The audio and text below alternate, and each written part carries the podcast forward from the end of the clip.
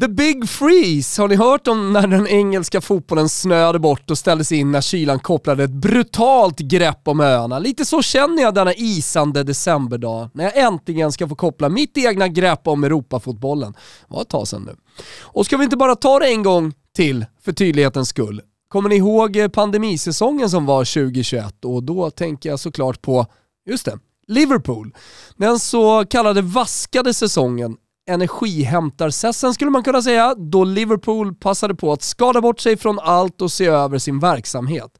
Så, nu är det kanske lite upprepning, men känn på tyngden. Om eh, det inte är totala slakter så vinner man, som i helgen, på övertid. Och alla bidrar, det är det som är så jävla ballt med Liverpool. Divock Origi, gubben man alltid glömmer. Han har väl redan nått statusen men visst ska det späs på ytterligare.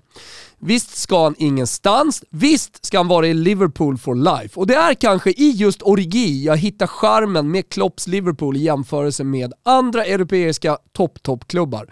Han är där, han uppskattas, mår som en påve och han är framförallt avgörande. En drömspelare att ha att tillgå.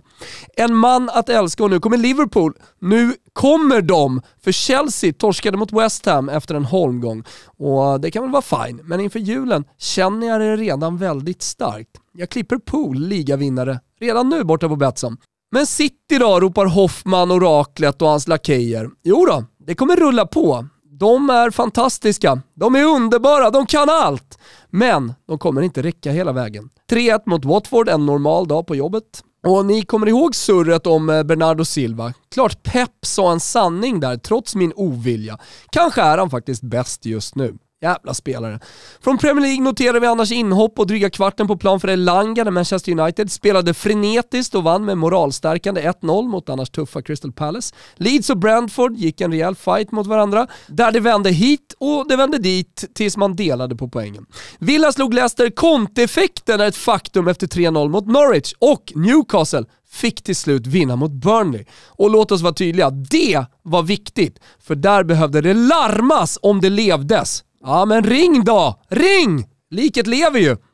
Nej, nu räcker det med PL-boll. Till Spanien där toppen fortsätter att vara jämn, för Barcelona förlorade mot Betis efter en bättre period. AM förlorade hemma mot Mallis och Real Sociedad åkte på 2-0-pumpen hemma mot Real Madrid.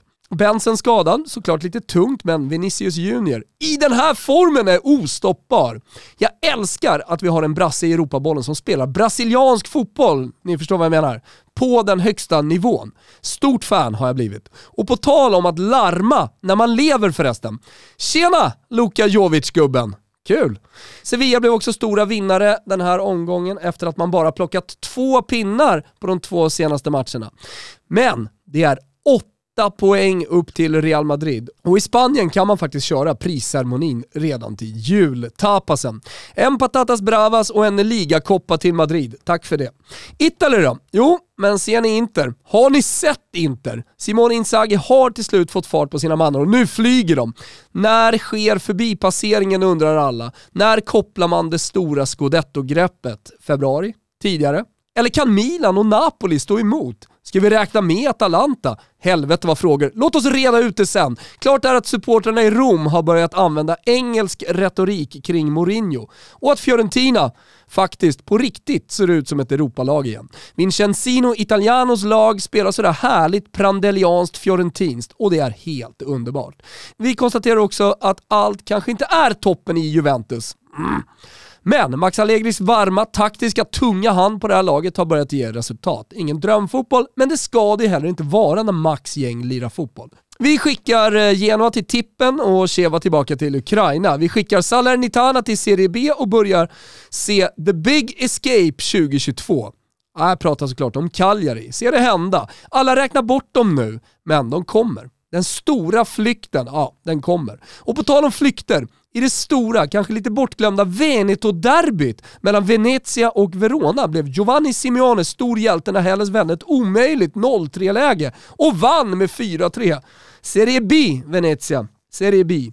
Jag tänkte avsluta med att Foppen har fått en ny tränare och att PSG fortsatt ser lite ut som en påse skit. Men jag lämnar svepet denna kylslagna måndag med att hylla Maurizio Sarri. Japp. Gubbar som är genuina och fotbollskunniga bortom rimliga nivåer behövs inom fotbollen. Hans röst behövs och hans Lazio är stundtals underbar att kolla på. Så, det var allt. Det är slut Gugge.